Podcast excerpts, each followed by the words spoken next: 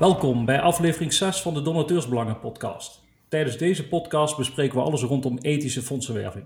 Dit doe ik, Jordan, bestuurder Donateursbelangen, vandaag met Theo Hezen, oudgediende in de goede doelenwereld en al meer dan 30 jaar fondsenwerver, en met Paul Koremans, uh, voorzitter Privacy First. Welkom heren. Dankjewel. Theo, uh, kun jij aan de luisteraar vertellen wie je bent en wat voor ervaring je in de non-profit sector hebt? Dus wat heb je allemaal gedaan op het gebied van fondsenwerving bijvoorbeeld?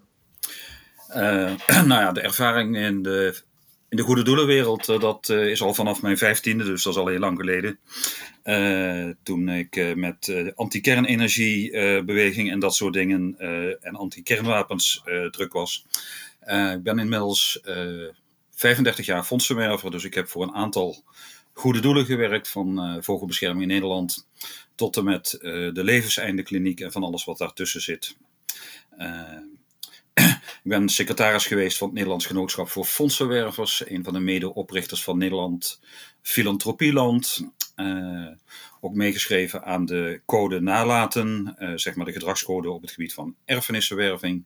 Dus dat, uh, daar komen een heleboel ethische aspecten bij kijken. Dus daar komen we straks ongetwijfeld nog op terug. Ja, kun je ook wat meer vertellen over jezelf, hobby's, et cetera? hobby's.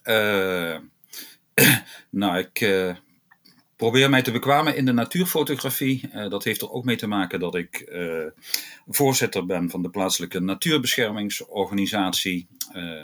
dus daar gaat heel veel tijd in zitten, want er is iedere dag wel wat te doen over de natuur. Dus ik ben de, hele, de hele ochtend bezig geweest met het Jacobskruiskruid. Oké, ja, kunnen we denk ik ook wel een podcast over opnemen, maar dat gaan we vandaag niet over hebben. Ja, nee, dus, daar kan ik ook wel een half uur over vol praten. Juist, dat bedoel ik. Uh, misschien ook nog even goed uh, om te vertellen dat wij elkaar kennen van het Giving Tuesday. Ja, ja Jordan en ik kennen elkaar uh, al heel lang. ik heb heel veel gebruik gemaakt van het Geefplatform dat Jordan opgebouwd heeft. en daarnaast zijn wij samen al meer dan drie jaar uh, Global Leader. Uh, dat is een hele mooie Amerikaanse term. Uh, maar dat betekent dat wij campagneleiders zijn voor Giving Tuesday in Nederland. Dan kun je nog heel even kort uitleggen, uitleggen voor de luisteraars wat is Giving Tuesday? Nou, ik denk dat de meesten over ethische praten. Ja. Heel veel mensen zullen het al wel weten.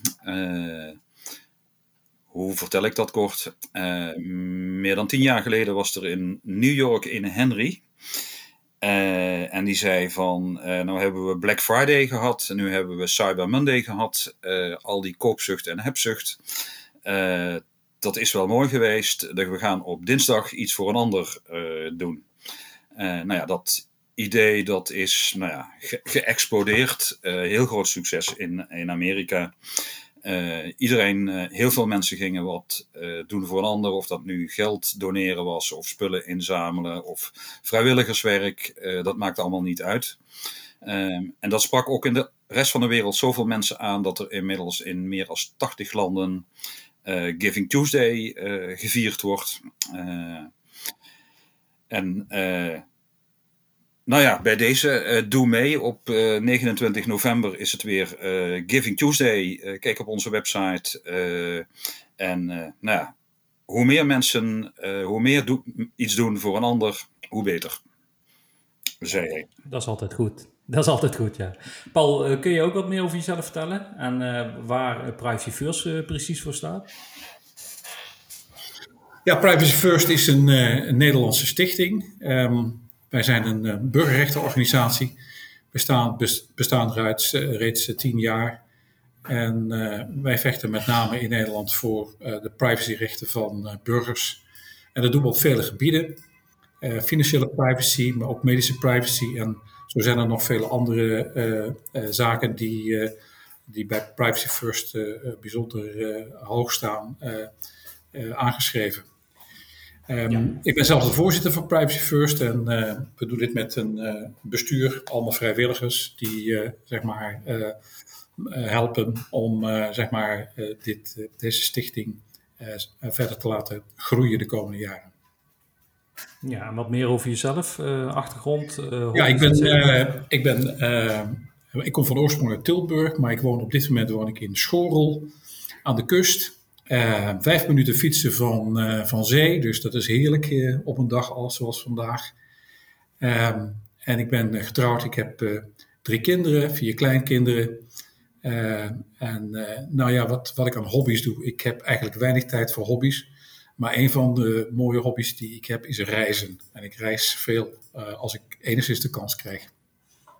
Oké, en dat is ook nog allemaal goed gelukt tijdens de corona of nu na corona? Of heeft dat ook even wat stilgelegen? Ja, dat heeft wel even stilgelegen. In ieder geval niet met het vliegtuig. En uh, als we reisden met de auto, altijd met de nodige voorzorgsmaatregelen. Ja, we hopen dat dat nu weer weg blijft. Maar de, kans is groot dat het weer terugkomt natuurlijk.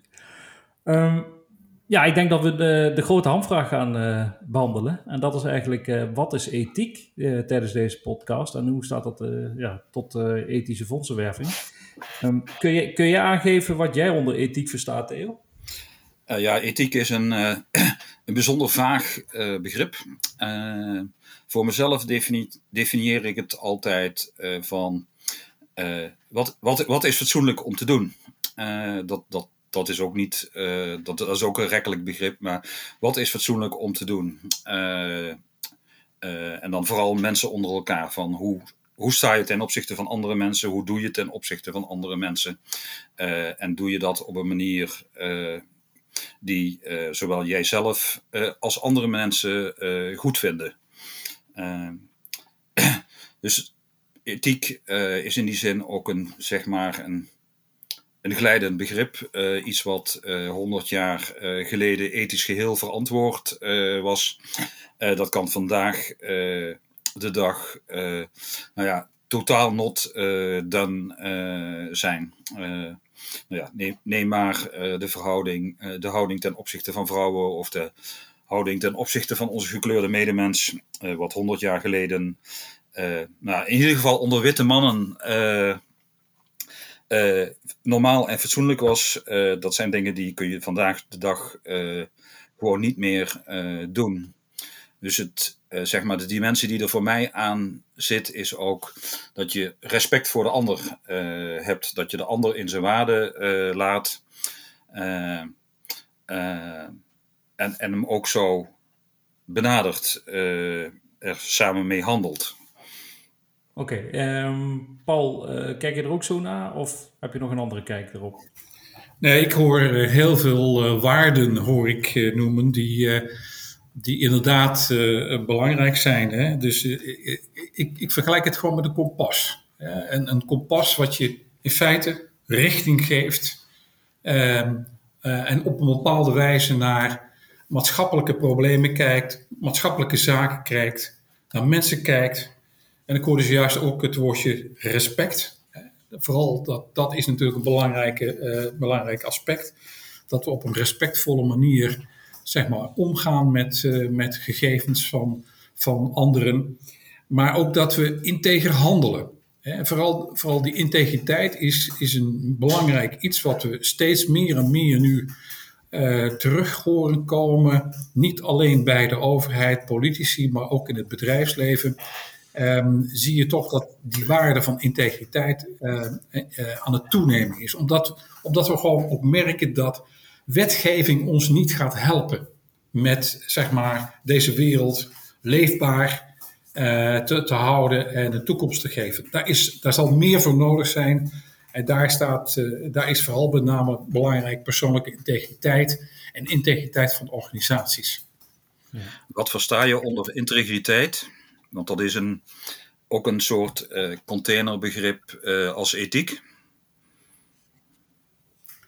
Ja, integriteit is voor mij heel erg dat je dus uh, kijkt naar je normen en je waarden in je organisatie. Maar ook naar je eigen persoonlijke normen en waarden.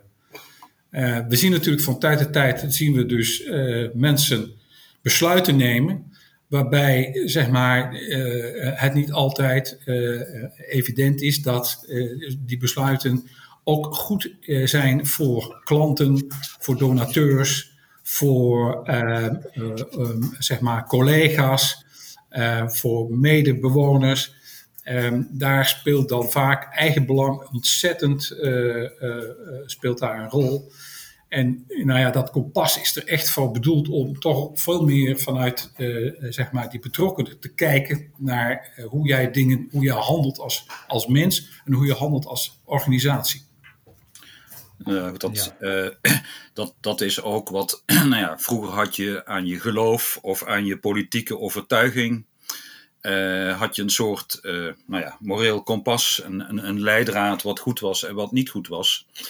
Um, en je ziet dat, ook toen hielden heel veel mensen zich er niet aan, maar je ziet nu ook dat, uh, nou ja, geloof uh, en politieke overtuiging, nou ja, die, die zijn he heel erg geërodeerd. dus dat geeft heel veel mensen geen houvast meer, wat is goed en wat is fout. Ja, maar daar komt denk ik dus ethiek om de hoek kijken, Theo. Als ik naar jullie twee, ja, twee keer het luisteren, luister naar de uitleg, dan gaat eigenlijk voor mij het gevoel ethiek over het kritisch nadenken over wat moreel goed is om te doen. Mm -hmm. En dan, anders, zeg, anders zeg, komen daar dus gewoon no, ware normen bij kijken. Maar precies wat je aangeeft, Theo, wat nu nog eigenlijk ja, moreel goed is om te doen, kan goed over tien jaar niet meer moreel goed zijn om te doen. En uh, ja, zo uh, verandert het uh, in de loop ja. der tijd. Maar goed, dat is geen, zeg maar, dat het, dat het over tien jaar anders is, is geen excuus om het nu niet het goede te doen, maar wel het foute. Hè? Ik bedoel, maar daar moet je even heel, heel helder in zijn. je moet gewoon wel consequent handelen naar maatschappelijke waarden en normen. Ja, dus wat ik zeg, kritisch nadenken over wat moreel goed is om te doen, is niet voldoende. Je moet er ook naar handelen, ja, zeg je. dat sowieso. Juist, juist. Um, ja, dan, uh, dan is eigenlijk uh, het onderwerp uh, wat vandaag centraal staat in de podcast, is ethische fondsenwerving. En nu we wat een beetje gepraat hebben over ethiek, dan is natuurlijk ook de vraag wat je onder ethische fondsenwerving verstaat. En hoe kijk jij daarnaar, Theo? Um, ethische fondsenwerving is voor mij vooral uh, dat je uh, respect hebt voor de donateur uh, en ook respect hebt voor het recht van de donateur om zelf te beslissen. Ehm, dat, dat, mag je, dat hoef je niet te weerhouden om de donateur te proberen de donateur enthousiast voor jouw onderwerp te krijgen. Hè? Ik bedoel, maar dat, dat zijn uh, nou ja, twee tegengestelde, uh, misschien, soms twee tegengestelde dingen. Uh, maar een donateur heeft het recht om ja of nee te zeggen. Een donateur heeft het recht om wel of niet de telefoon op te nemen. En die heeft ook het recht om wel of niet die telefoon weer neer te leggen. Of het recht om de deur open te maken. En ook het recht om hem weer dicht te doen als hij het genoeg gevonden heeft. Dus dat dat is voor mij een kernpunt in fondsenwerving. Je moet respect hebben voor het recht van de donateuren om ja of nee te zeggen. Ja, en ook daarna handelen dus op basis van wat de donateur uh, aangeeft, zeg je. Ja. Nee, het is heel simpel. Uh, je belt, bedoel maar. Uh, ik heb honderdduizenden mensen laten bellen voor, voor mijn goede doelen. je begint het gesprek met de vraag. je zegt eerst van namens wie bel je? Uh, en dan vraag je van, komt het gelegen dat ik u bel? En als iemand uh, ja zegt, uh, dan is het prima. En als iemand nee zegt, dan kun je nog vragen, mag ik u op een ander tijdstip terugbellen? dat is ook gewoon een, een, valide, ethisch verantwoorde vraag. en als iemand zegt van ja, dat is goed, dan bel je een andere keer terug. En als iemand zegt nee, bel mij vooral nooit meer, dan zeg je van Oké, dat doen wij. Wij noteren dat wij u nooit meer uh, bellen. En dan bel je ook niet uh, meer. Ik bedoel, maar zo, zo, zo eenvoudig is het. Ja, zo, zo klinkt het uh, inderdaad. wij gaan dadelijk nog op wat specifieke fondswervende kanalen in. En dan kunnen we ook even kijken of het zo eenvoudig ook blijkt in de praktijk. Of wat we allemaal ervaren, hoe het gaat. Um, Paul, kun je aangeven of jij ook op de een of andere manier ervaring hebt in de non-profit sector? Ja, ik ik ben, ontzettend blij met wat uh, Theo ook uh, aangeeft. Dus dat, dat dat respect voor die donateur een, een, belangrijk, bela een belangrijke basis is van fondswerving. En um, dat, dat vraagt dus ook van organisaties dat ze op een integere manier met de gegevens van die, van die donateurs omgaan. En uh, ja, dat laatste, daar um, zie ik van dat, dat die organisaties die die gegevens verzamelen, daar toch over het algemeen iets anders in zitten. Um, ik heb zelf een marketingachtergrond, dus ik snap me al te goed hoe dat werkt. Maar wat ik toch zie is dat veel van die, uh, donateursorganisaties echte commerciële organisaties zijn geworden die uh, als doel hebben om zoveel mogelijk geld naar binnen toe te halen om daar zeg maar hun doelen mee te realiseren.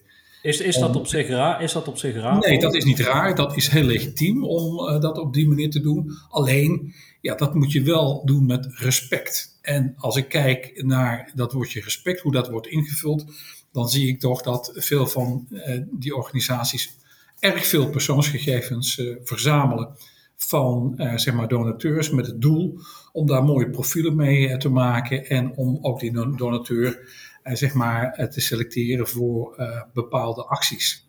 En daar gaat het denk ik toch, en, soms gaat het te ver, waarbij de donateur eigenlijk niet weet dat er profielen van hem worden gemaakt, dat er uh, gegevens voor hem worden verzameld zonder dat hij dat weet. Hè. Dus daar ontbreekt vaak uh, transparantie uh, vanuit die goede doelenorganisatie. En de donateur heeft gewoon recht om te weten wat er gebeurt met zijn persoonsgegevens.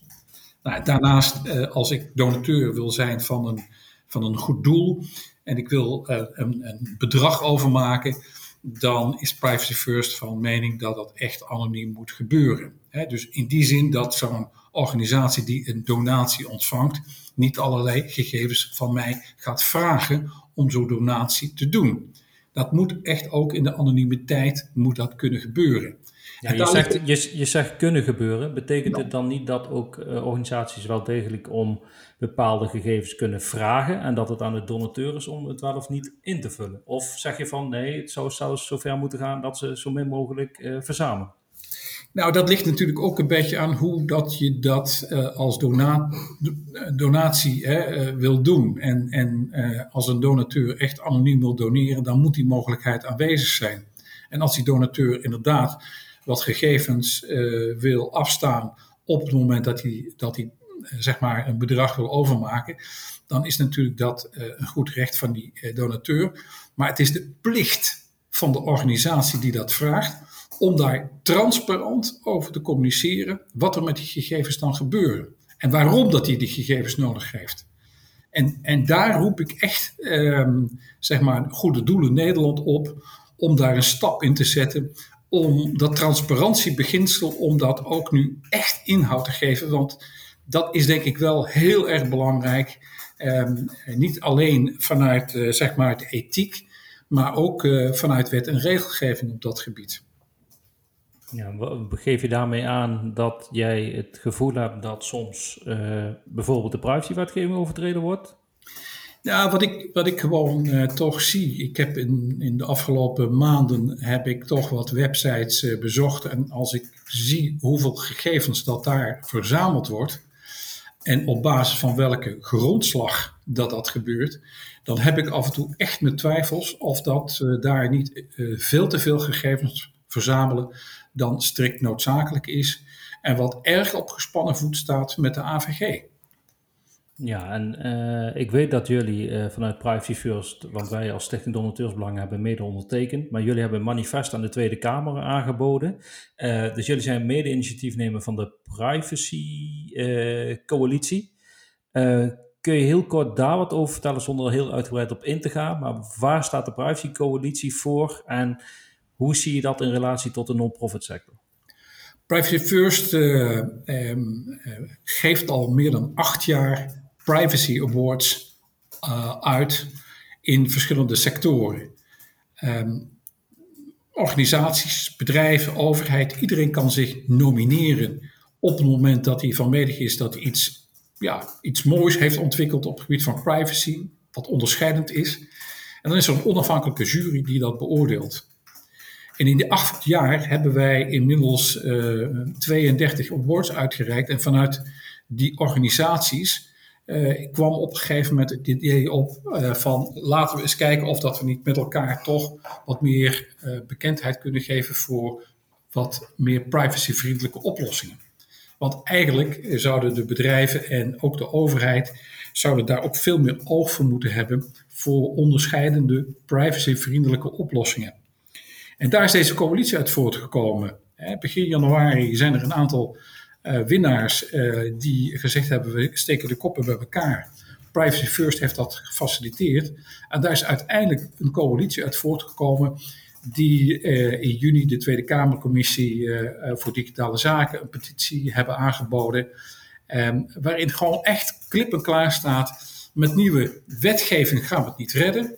Um, wij doen echt een beroep op een mentaliteitsverandering Ehm, van niet alleen de overheid, maar ook uh, bedrijven, om toch wat meer die privacy wat serieuzer te nemen. En dat ook als een doel te maken. En niet zozeer van het moet nou eenmaal van de wetgeving. Nee, probeer nou je organisaties op een zodanige manier in te richten dat je dan ook respect hebt voor zeg maar die burger, voor die betrokkenen, voor die klant. En dat is eigenlijk de kern van, van onze boodschap daar. En nou ja, deze coalitie heeft ook besloten om in ieder geval hiermee door te gaan. En voor de rest van het jaar hebben we nu ook doelen afgesproken die we met elkaar willen gaan realiseren. Oké, en kun je dan in het kort aangeven, dat heb je eigenlijk al gedaan, datgene wat je aangeeft voor het bedrijfsleven van de overheid geldt dus eigenlijk ook net zo goed voor de non-profit sector. Is het zo simpel? Absoluut, absoluut. Hè? Dus uh, we gaan de komende tijd echt met VNO en NCW uh, gaan we aan de slag. Uh, die ook gezegd hebben, wij staan daar heel erg voor open.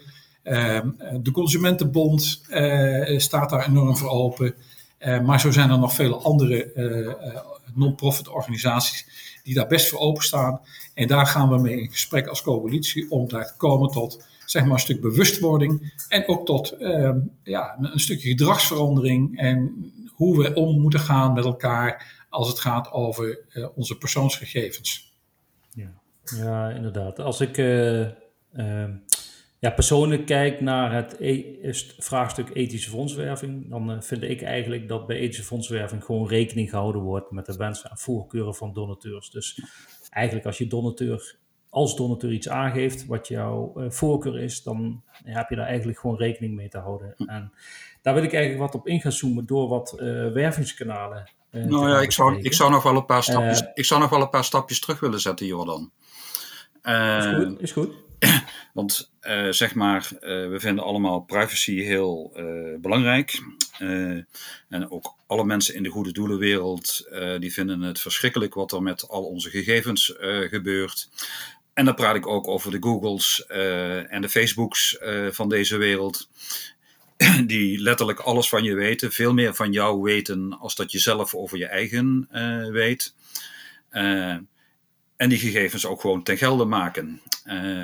Dus alle, ieder bedrijf uh, dat wil adverteren op Google of uh, Facebook, dat maakt gebruik van, die, van onze persoonlijke gegevens, verzameld door, door Mark Zuckerberg en consorten. om maar omzet te genereren en ons gericht, gericht te benaderen om, om klanten te werven. en daar spreken we allemaal schande van. Uh, ook dan is het een ethische vraag voor, voor, voor Goede Doelenland. Uh, van we spreken er allemaal wel schande van. Maar nou ja, moet je daar gebruik van maken? van die gegevens moet je wel gaan adverteren op Facebook en, en Google en andere platforms. want ja, dat maakt allemaal gebruik van heel veel persoonlijke gegevens van nou het publiek, de donateur, de gever. Daar zit je, denk ik, in een, daar zit je in een ethisch uh, spagaat. En nou ja, dat is een heel, dat is een heel moeilijke keuze. Want zeg maar, je, als goed doel concurreer je dus met al die bedrijven die wel van al die persoonlijke gegevens gebruik maken. Want ja, die bedrijven willen mensen euro's uit de portemonnee kloppen. En wij willen ook graag voor ons goede doel wat van die euro's zien. Dus ja, wat moet je dan uh, als, als goed doel doen? Uh, daar geen gebruik maken van die mogelijkheden die heel effectief uh, zijn. En dus veel minder geld voor je goede doelen binnenhalen. of zeggen van, nou ja, de wereld zit nu eenmaal zo, zo in elkaar het is voor mij uh, een goede manier om, uh, nou ja, zeg maar, via die kanalen uh, fondsen te werven. Dus nou, dat ga ik gewoon proberen. Want ja, ik vind het met mijn goede doel belangrijk. Ik vind het belangrijk dat die ziekte de wereld uitgaat. Dat vluchtelingen geholpen worden. de natuur gered wordt. dus nou, ik maak gebruik van die gegevens.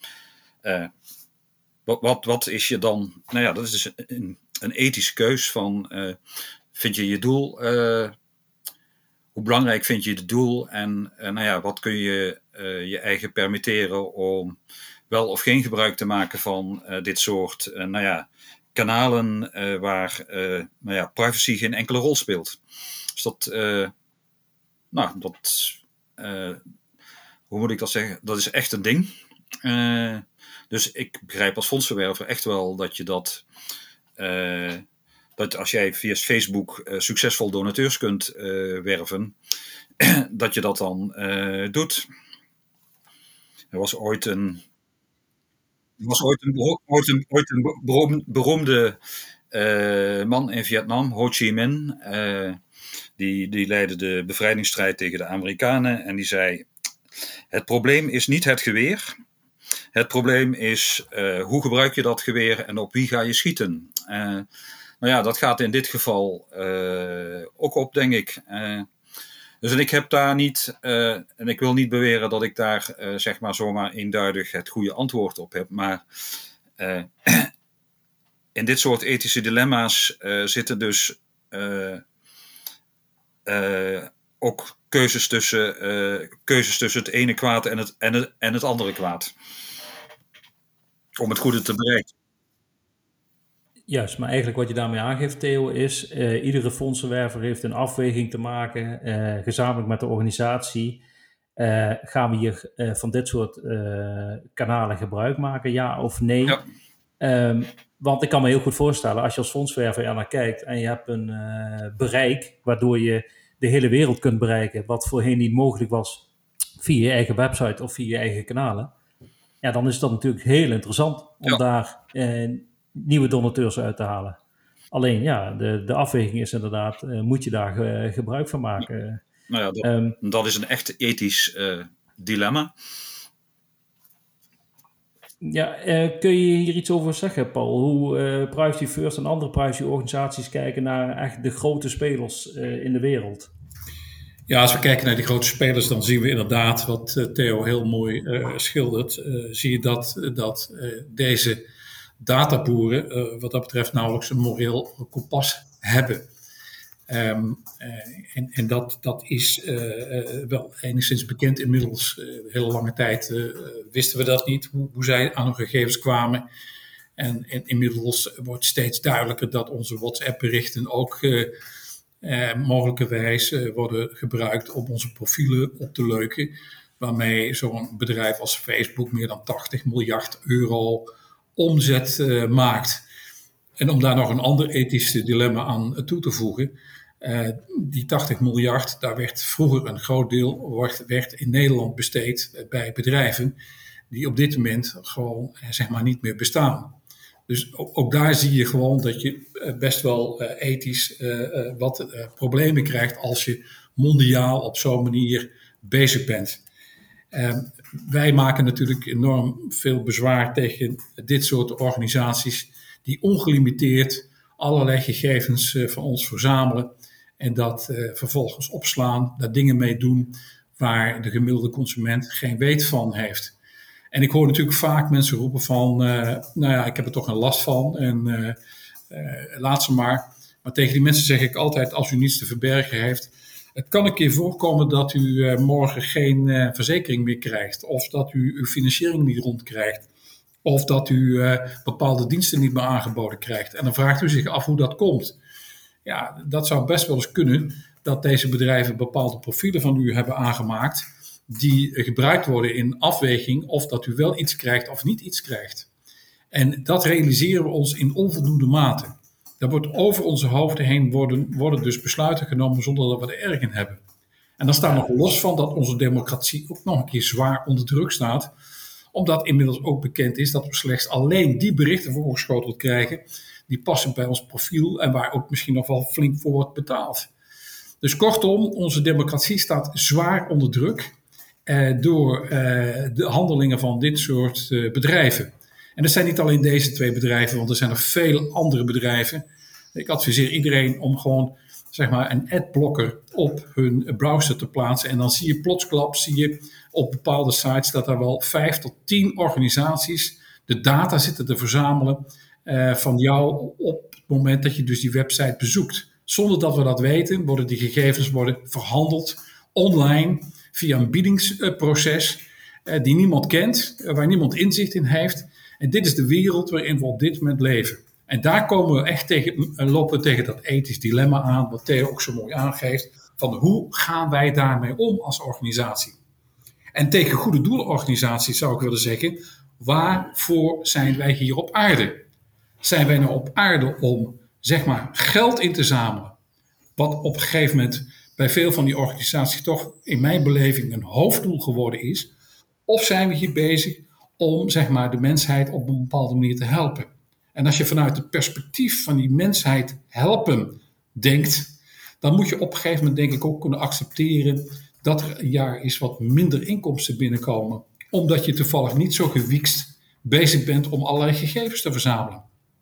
Ja, maar als, daar, een, als, als, daar, als daar een fondsenwerver tegenover zou plaatsen richting jou, Paul, als privacy first met de opmerking.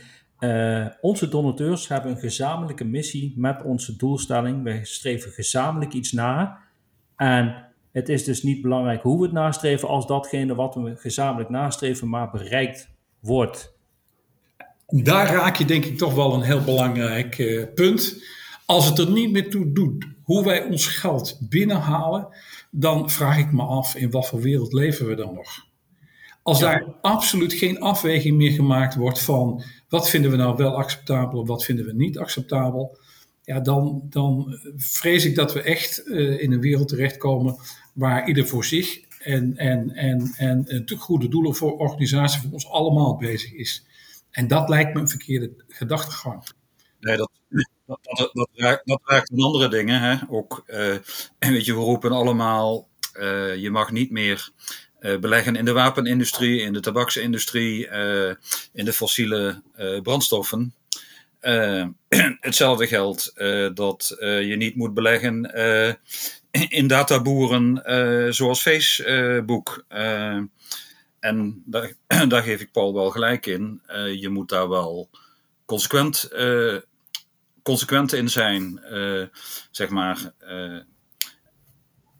hoe je je geld. Ja, dus dat ethische, dat ethische, gaat, uh, dat, moet dat ethische gaat veel verder. Ja.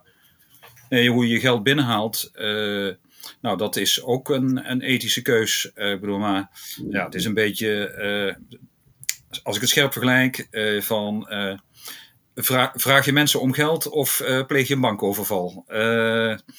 En ergens daartussenin, daar ligt echt wel een, een, een, scheidslijn van wat wel en wat niet ethisch verantwoord is. Ja, maar als we dan in, inzoomen op het verrijken van data. meer en meer wordt niet alleen in het bedrijfsleven, maar ook in de non-profit sector aangegeven dat hoe meer data je tot je beschikking hebt, dit zal leiden tot betere fondsenwerving en meer geld inzamelen voor je gezamenlijke missie. Dus gezamenlijk met de donateurs. Ja, dat klopt. Dat is, is, het zo, zo, Is het zo? Ja. Dat is ook zo. Juist, maar is het dan zo, is het dan zover, Paul, dat jij zegt...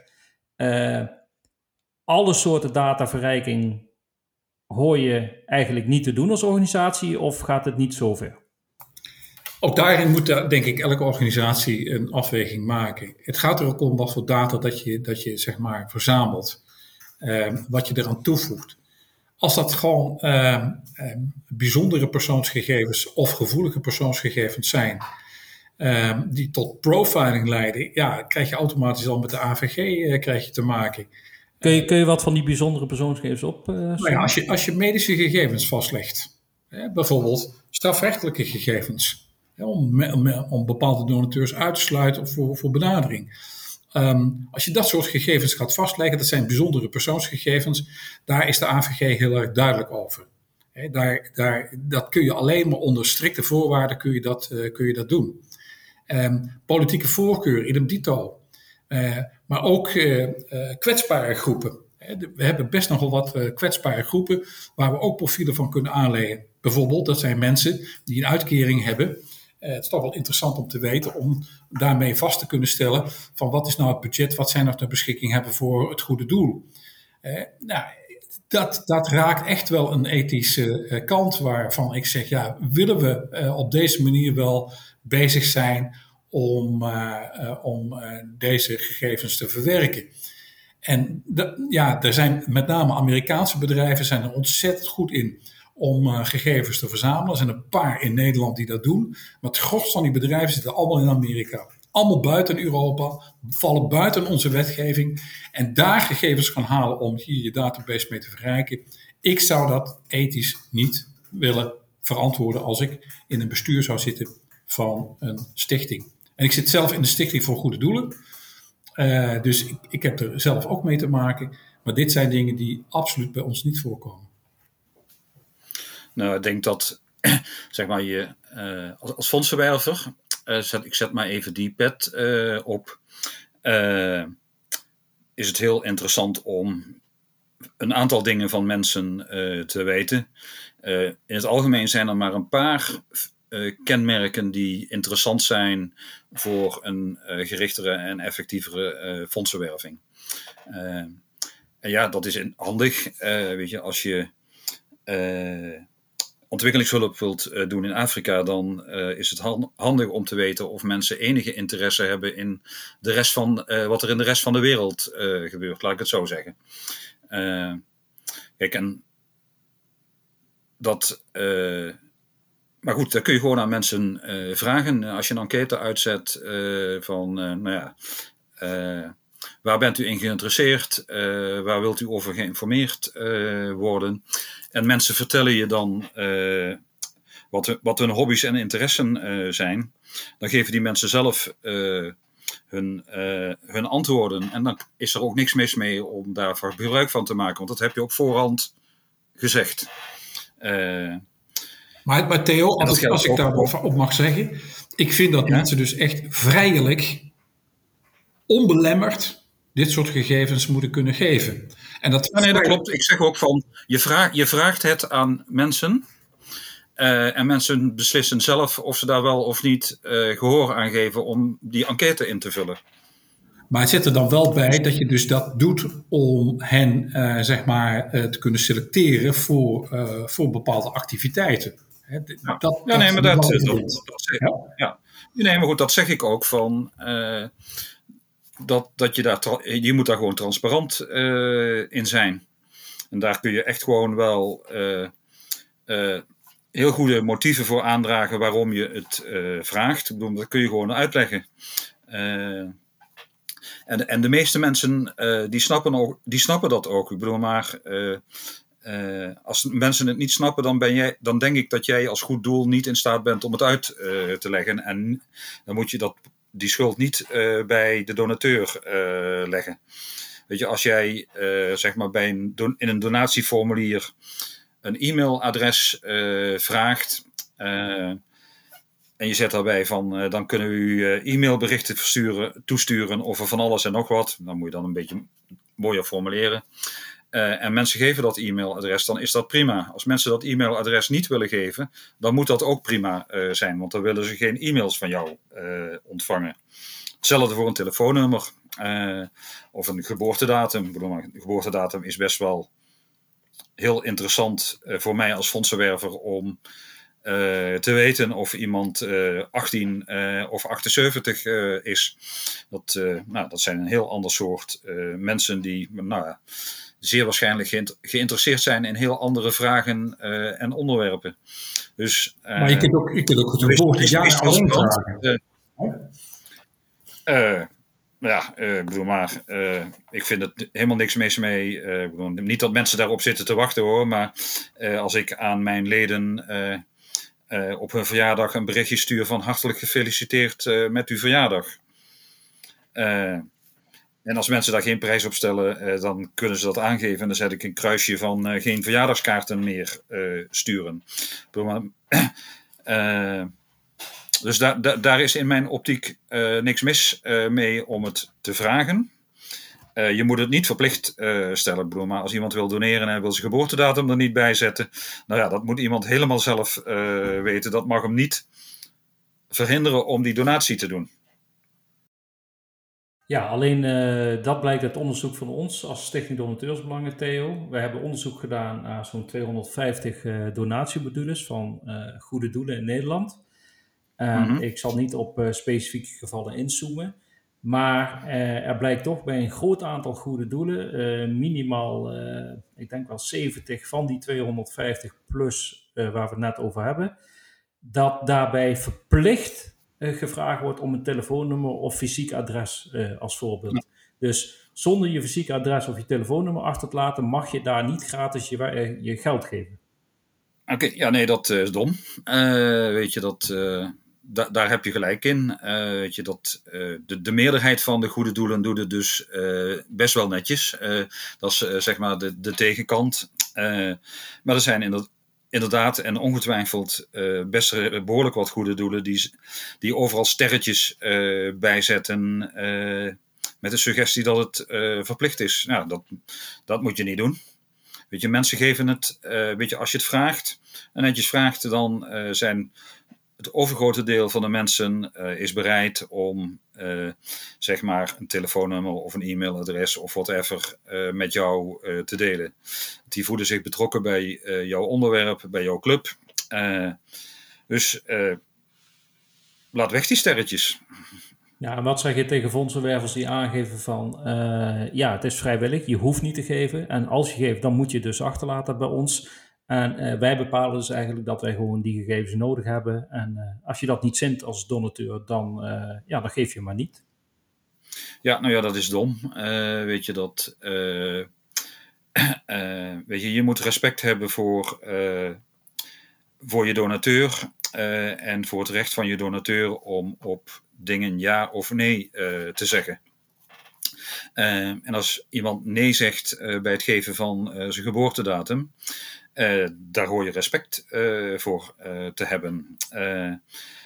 en als iemand dat wil geven, dan is dat helemaal prima. Ik bedoel, maar je vraagt het netjes en je geeft aan dat, nou ja, als je geboortedatum geeft, dat je dan sommige berichten of vragen niet ontvangt of wel ontvangt, dan is daar helemaal niks mis mee. Dat snapt ook iedereen. Als ik 80 ben, dan verwacht ik andere vragen als dat ik 18 ben. Dus het is helemaal niet ingewikkeld om dat ethisch verantwoord te doen. Nee, maar als jij zegt ethisch verantwoord, dan zeg je eigenlijk wel maak het optioneel en niet verplicht. Ja, nee, laat het sterretje weg, maak het optioneel. Ja. hoe, je, hoe je het ook formuleert. Ik bedoel, het sterretje geeft altijd aan van dat het verplicht is. dus laat het sterretje weg. De, het is niet verplicht. Maar, mag, mag ik daar nog wat aan toevoegen? Tuurlijk. Ben dan ook zo transparant dat je aangeeft vervolgens, als je die gegevens vraagt, wat je ermee gaat doen. Dus maak dan even een linkje naar een andere pagina waar je zegt, nou, wij gebruiken uw geboortedatum voor dat en dat en dat doel. om, u een, om u een verjaardagskaartje te sturen, om uw gegevens in ons systeem bij te houden, om u te selecteren op basis van uw leeftijd voor bepaalde doelen. Ben daar dan transparant over ja, maar uit, uit, ons onderzoek, uit, ons onderzoek blijkt, Paul, uh, dat al die 250 goede doelen wel gewoon verwijzen naar een privacyverklaring. Maar is dat dan voldoende? Nou ja, eh, als die privacyverklaring inderdaad dit soort informatie verschaft. Uh, en geen juridische uh, opsomming is uh, wat, wat verplicht is vanuit de AVG-wetgeving, dan, dan zeg ik prima. Maar ik heb ook wat privacyverklaringen inmiddels bekeken.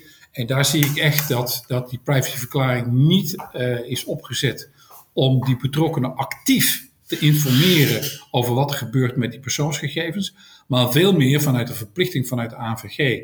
En daar denk ik ligt ook nog een grote uitdaging voor goede doelenorganisaties om gewoon eens op een andere manier daarnaar te kijken.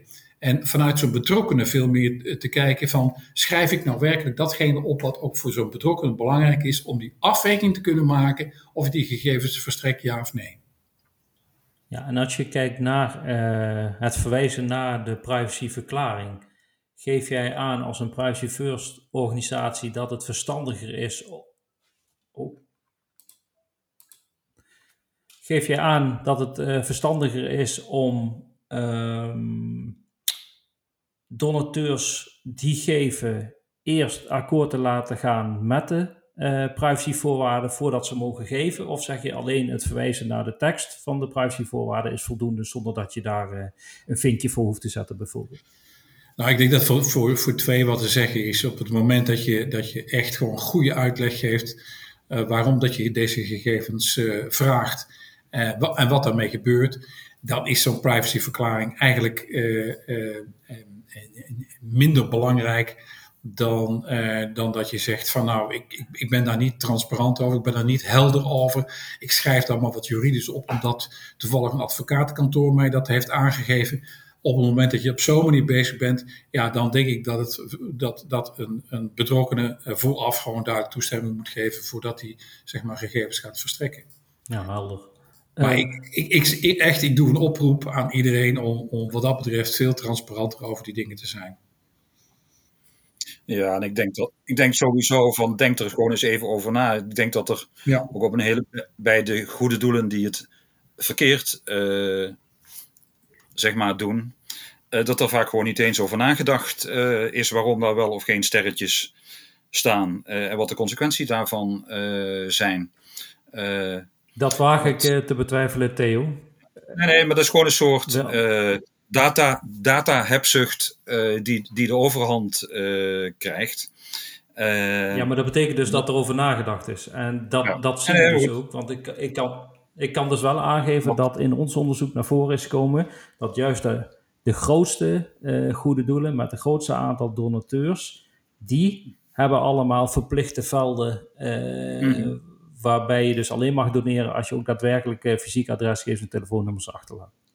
Ja, maar goed, ik denk dat die, het, het, het erover nadenken uh, is vaak niet verder gekomen als uh, de database uh, manager en de marketeer.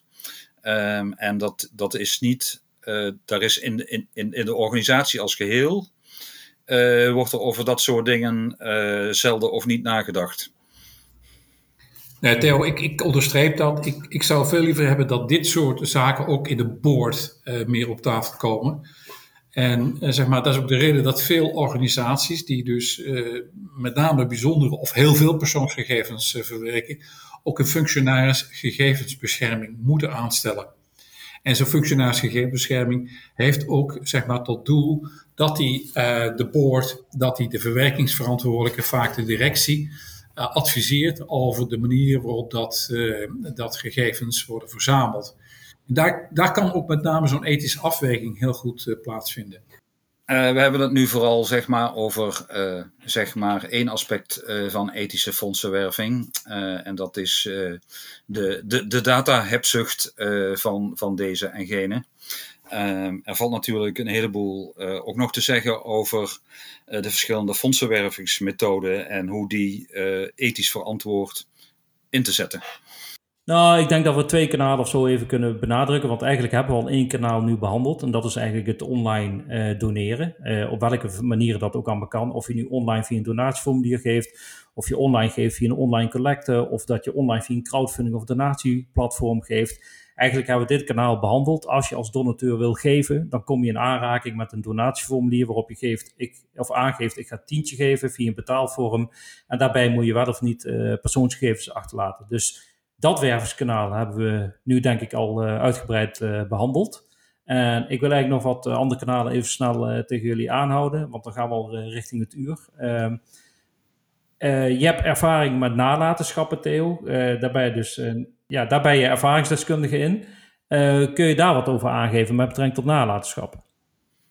Ja, dat, uh, dat kan. Uh, zeg maar, we hebben met een aantal mensen uit, uit de goede doelenwereld een code nalaten opgesteld. en die is met name bedoeld ook zeg maar de, om de, de ethische kanten van dit onderwerp vast te leggen. wat er nu, wat er nu zeg maar in de goede doelenwereld gebeurt, is dat iedere organisatie zijn eigen ethische afweging maakt. zeg maar, Goede Doelen Nederland komt niet verder als nou ja, gemaatschappelijk geaccepteerde vormen van fondsenwerving toepassen. maar iedere vorm van fondsenwerving kun je goed en fout toepassen. Dus dat. En dus ik, ik pleit heel erg voor om een, uh, een sectorbrede uh, richtlijnen te hebben waar ieder goed doel aan af kan meten wat, wat wel en niet ethisch verantwoord fondsenwerving is. In, in Engeland, zeg maar de Engelse collega-organisatie van Goede Doelen Nederland, het Instituut of Fundraising daar, die hebben een complete set van uh, gedragscodes opgesteld over erfenissen, telemarketing, huis- en huiswerving, direct mail, online. Je kunt het zo gek niet bedenken waarin ze per kanaal aangeven de, de do's en don'ts van fondsenwerving. Met name ook erop gericht om zeg maar, dat respect voor de donateur en het recht op, op keuze maken van de donateur om dat uh, te respecteren. En dat heeft de sector daar buitengewoon goed geholpen. Ik haal even het, het, tragische geval van Olaf Koek aan. Ik dat, waarschijnlijk kennen jullie dat niet. Een aantal jaren geleden was er een mevrouw in Engeland, die was al 93 of zo.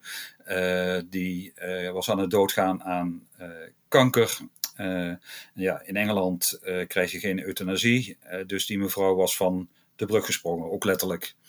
en die mevrouw die was heel erg actief voor goede doelen, haar hele leven al. Maar de, de, de kabaalpers stortte zich erop van, omdat zoveel goede doelen haar dingen vroegen van. Ze is door goede doelen de dood ingedreven.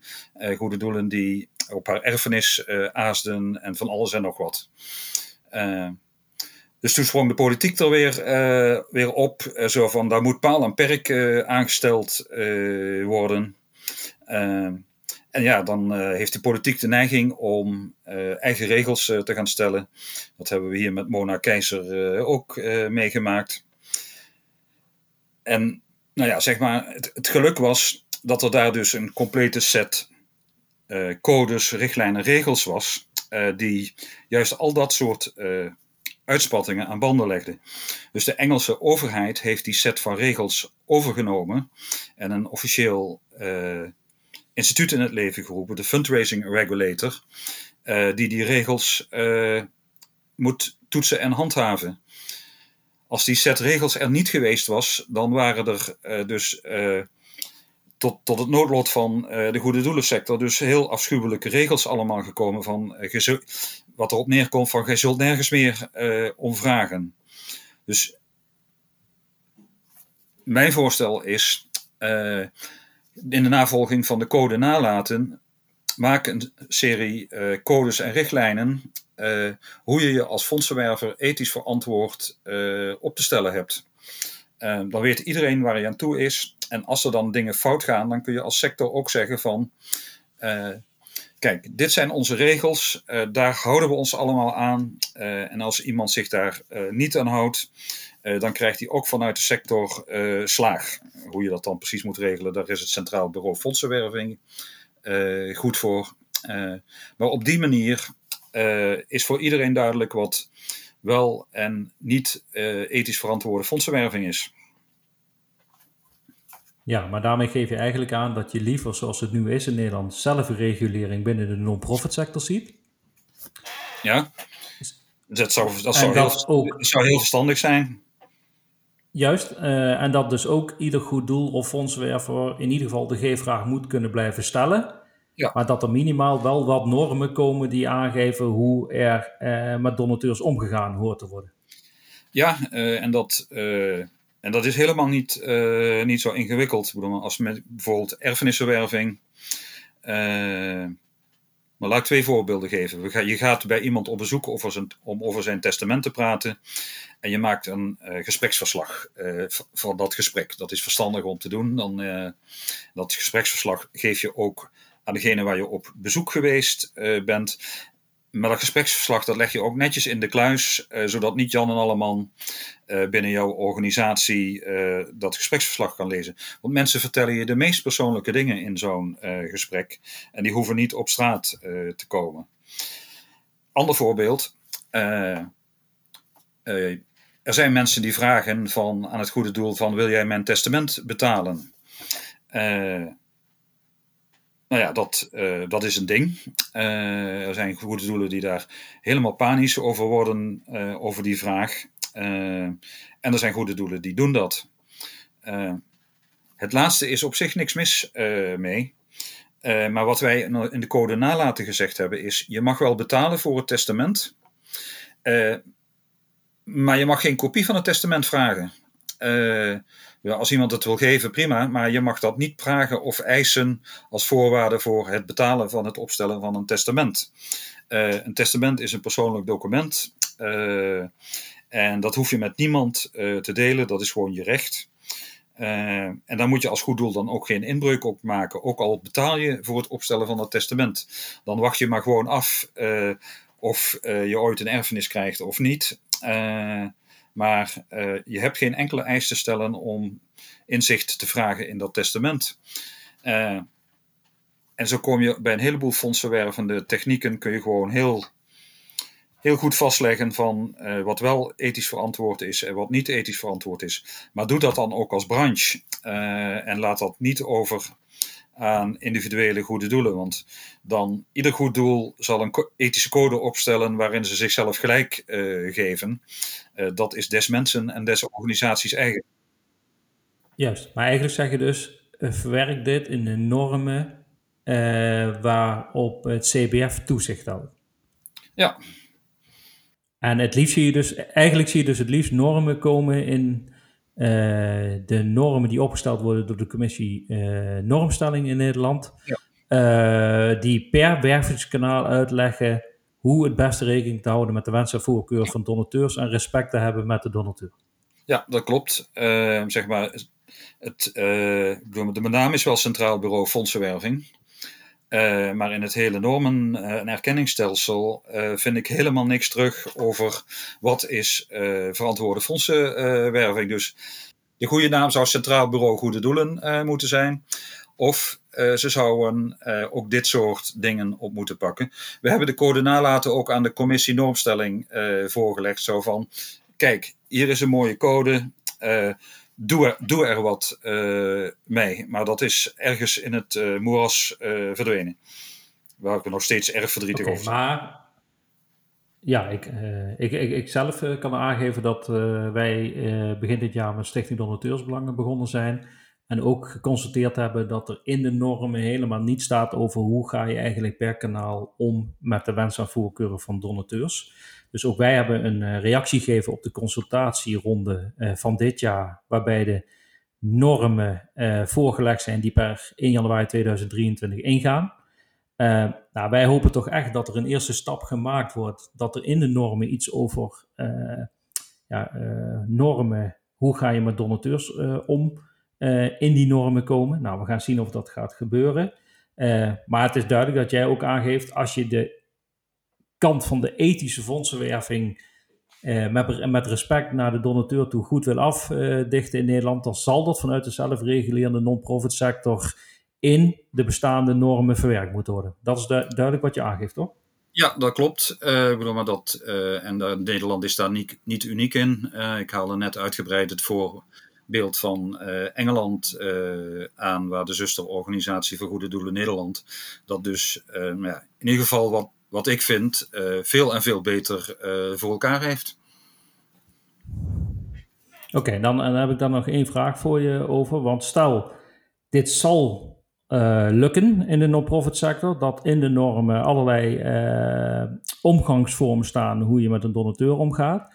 Dan geldt volgens mij nog steeds dat de CBF-erkenning maar door 1% van alle non-profits in Nederland vrijwillig aangevraagd wordt. Dus hoe gaat dat dan met organisaties die geen erkenning hebben? Dat is een uh, goede vraag. Uh, de, het Centraal Bureau Fondsenwerving is een keurmerkverstrekker.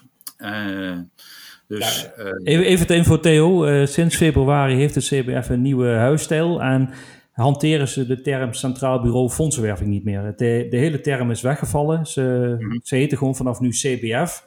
Wij ja. vanuit de historie weten natuurlijk dat het Centraal Bureau Fondsenwerving uh, uh, ja, werd genoemd. Maar in de communicatie naar buiten toe zal het CBF altijd alleen nog maar over het CBF praten. En niet met die term Centraal Bureau Fondsenwerving. Nou ja, dat is, dat, dat is mooi. Dat is, dat, is, dat is heel mooi, uh, maar daar verandert het CBF niet door. Wat ik al zei, van het CBF is een keurmerkverstrekker. Uh, en houdt toezicht op de keurmerkhouders of zij zich aan de eisen van het keurmerk uh, houden. Uh, dus er zijn 600 zoveel keurmerkhouders. dat betekent dat er 49.000 en nog wat, of misschien nog wel meer, goede doelen zijn die geen keurmerk houden, hebben. dus daar kun je daar kun je als uh, Centraal Bureau Fondsenwerving dus uh, niks, niks op afdoen. Uh, dus je moet zeg maar een veel bredere organisatie, een veel breder draagvlak binnen de goede doelenwereld creëren als een soort, als een echte brancheorganisatie. want het gaat ook voor Goede Doelen Nederland. er zijn een paar honderd organisaties lid van Goede Doelen Nederland. Dat betekent dat er dus 15.000 geen lid zijn. Dus uh, uitdaging uh, aan, aan de sector uh, om nou ja, dit soort codes, richtlijnen, normen en waarden nou ja, te implementeren in de sector. Dus, ja, ja dat, dat, zal nog een hele, dat, zal, dat zal nog een hele uitdaging zijn. Dat, dat is een uitdaging om het maar zacht uit te drukken. Juist. ik heb nog één vraag voor Paul, en dan ronden we af. we zijn al een uur aan het praten. Waar ik tegenaan loop, en dan uh, praat ik even vanuit Stichting Donateursbelangen, is als ik met uh, goede doelen praat, Paul, dat zij allemaal aangeven geen vraag te krijgen vanuit donateurs om een mijn donateuromgeving te bouwen, waarin donateurs inzage hebben in over wat er over hun is vastgelegd, over de donaties die ze gedaan hebben, et cetera. Hoe kijk jij hiernaar? Want ik waag, ik, ik uh, wel eens een gokje uh, online sinds de, de gokmarkt legaal is geworden. Ja, zelfs bij uh, de goksites heb jij inzage in je persoonlijke gegevens, in je account. Er staat er persoonlijke informatie, staat letterlijk uitgelegd wat er over jou is vastgelegd, wat er mee gedaan wordt. En dan heb je ook communicatievoorkeuren op basis van waar, ja, waarmee de goksite met jou wel of niet mag communiceren. Dat zien we helemaal niet in de non-profit sector. Hoe kijk jij en jullie als first daarna? Ja, het is, uh, kijk, het argument van daar wordt niet, voor, daar wordt niet om gevraagd. Um, uh, ja, als we op die manier zeg maar, naar de markt kijken, dan, zullen, dan, zullen, dan verandert er nooit wat. ik vind dat er een intrinsieke verantwoording moet zijn van, van een organisatie om wel degelijk veel meer te doen om consumenten bewust te maken van het feit uh, van, van, van, van je handelingen. En uh, ik denk dat het een enorme bijdrage zou geven als je dit wel zou bouwen. Maar er moet een wil moet daarvoor zijn. En daar moet een, een, een, een, een ja, daar, daar, moet, daar moet een motivatie voor zijn. En als je blijft redeneren van de markt vraagt er niet om, dus we gaan het niet doen dan denk ik dat, uh, dat, uh, dat je nog eens opnieuw een nieuwe afweging moet maken. Van zijn wij, zijn wij niet verplicht als branche om dit te gaan doen? En dat is natuurlijk een heel andere manier van benadering dan alleen marktgericht denken. Ja, en als de branche dat niet vindt, dan is denk ik een organisatie die de eerste stap zet en dat dus wel degelijk aan uh, donateurs aanbiedt, ja, een eerste stap voorwaarts naar mijn mening. Want ik verwacht dat donateurs het waarderen als ze inzage hebben over datgene wat er over hun is vastgelegd, wat er met die gegevens gedaan wordt. En bijvoorbeeld een download ter beschikking wordt gesteld over de donaties die je voor een bepaald goed doel in een bepaald jaar hebt gedaan. Zodat je dat zelfs bijvoorbeeld voor je belastingaangifte kunt gebruiken als het uh, om een gift gaat met een uh, ambistatus en je die gift wil uh, aftrekken bij je aangifte. Dus ja, ik weet op de achtergrond dat daar toch wel wat organisaties mee bezig zijn. ik ben benieuwd wanneer die online gaan komen, dit soort mijn donateur omgevingen. En wat de uitkomsten gaan zijn voor die organisaties als ze dat echt gelanceerd hebben. Wordt vaak gedacht dat donateurs gaan opstappen, omdat vaak in de mijn donateuromgeving natuurlijk ook de optie wordt aangeboden vast donateurschap opzeggen. Ja, het, het, zal uit moeten gaan wijzen of juist niet die organisaties die zo'n mijn donateuromgeving aanbieden, ja, een veel groter vertrouwen genieten onder donateurs. Maar ja, dat is even afwachten, omdat uh, ik nergens dit soort omgevingen op dit moment zie in de, in de sector. Ja, kijk, die angst die horen we natuurlijk vaker. Hè? Dat uh, met name marketeers uh, van mening zijn dat uh, ze anders klanten gaan verliezen of gegevens gaan verliezen. Maar ja, ik kom dan toch weer terug op het, op het kernbegrip. Waarvoor zijn we hier op aarde? Zijn we nog op aarde om gegevens te verzamelen of om zeg maar, iets goeds te doen voor de mensheid? En dat laatste is denk ik toch het allerbelangrijkste als, om dat als uitgangspunt te nemen. En laat ik zo zeggen, ook in het kader van de AVG, daar staat heel nadrukkelijk in dat een organisatie zich moet verantwoorden op de wijze, op de manier waarop dat hij gegevens verzamelt en welke gegevens dat hij verzamelt. En eh, ja, in dat kader zou ik ook eh, zeggen van, er is volgens mij ook eh, best wel een noodzaak om die stap te gaan zetten. Ik kan daar nog wel wat aan toevoegen, uit ervaring. De angst om op die manier donateurs of leden te verliezen is totaal misplaatst. Uh, mensen stellen het veel meer op prijs dat je de mogelijkheid uh, biedt. Uh, en vrijwel niemand uh, maakt daar uh, gebruik van. Het is hetzelfde als de discussie over een contributieverhoging naar je leden toe. Je wil niet weten hoe vaak ik een discussie gevoerd heb met het hoofd financiën om een paar euro contributie te verhogen en hoeveel leden er dan wel niet opzegden er zegt nooit iemand op omdat de contributie omhoog uh, gaat. Uh, hooguit mensen die het financieel toch al moeilijk hadden, uh, die moeten besluiten om te eindigen. En dat is precies hetzelfde als inzage geven in gegevens. bijna niemand heeft er behoefte aan. En mensen vinden het geweldig dat je die gelegenheid biedt. Dus schei uit met je angst. doe het gewoon. Heb respect voor je donateur. Oké. Okay, Amen. Ja. Amen, inderdaad. daarmee ronden we ook deze podcast af. Ik wil jullie uh, bedanken voor uh, de bijdrage in deze aflevering, uh, Paul en Theo. Um, de volgende podcast staat weer gepland voor augustus. We doen er iedere maand één. En het is nog niet zeker welke, welk onderwerp we in de volgende podcast gaan bespreken. Maar het zou soms dus zelfregulerende non-profit sector kunnen zijn. of iets anders. dat gaan we nog bekijken. Ik wil jullie in ieder geval danken voor de bijdrage. Graag gedaan.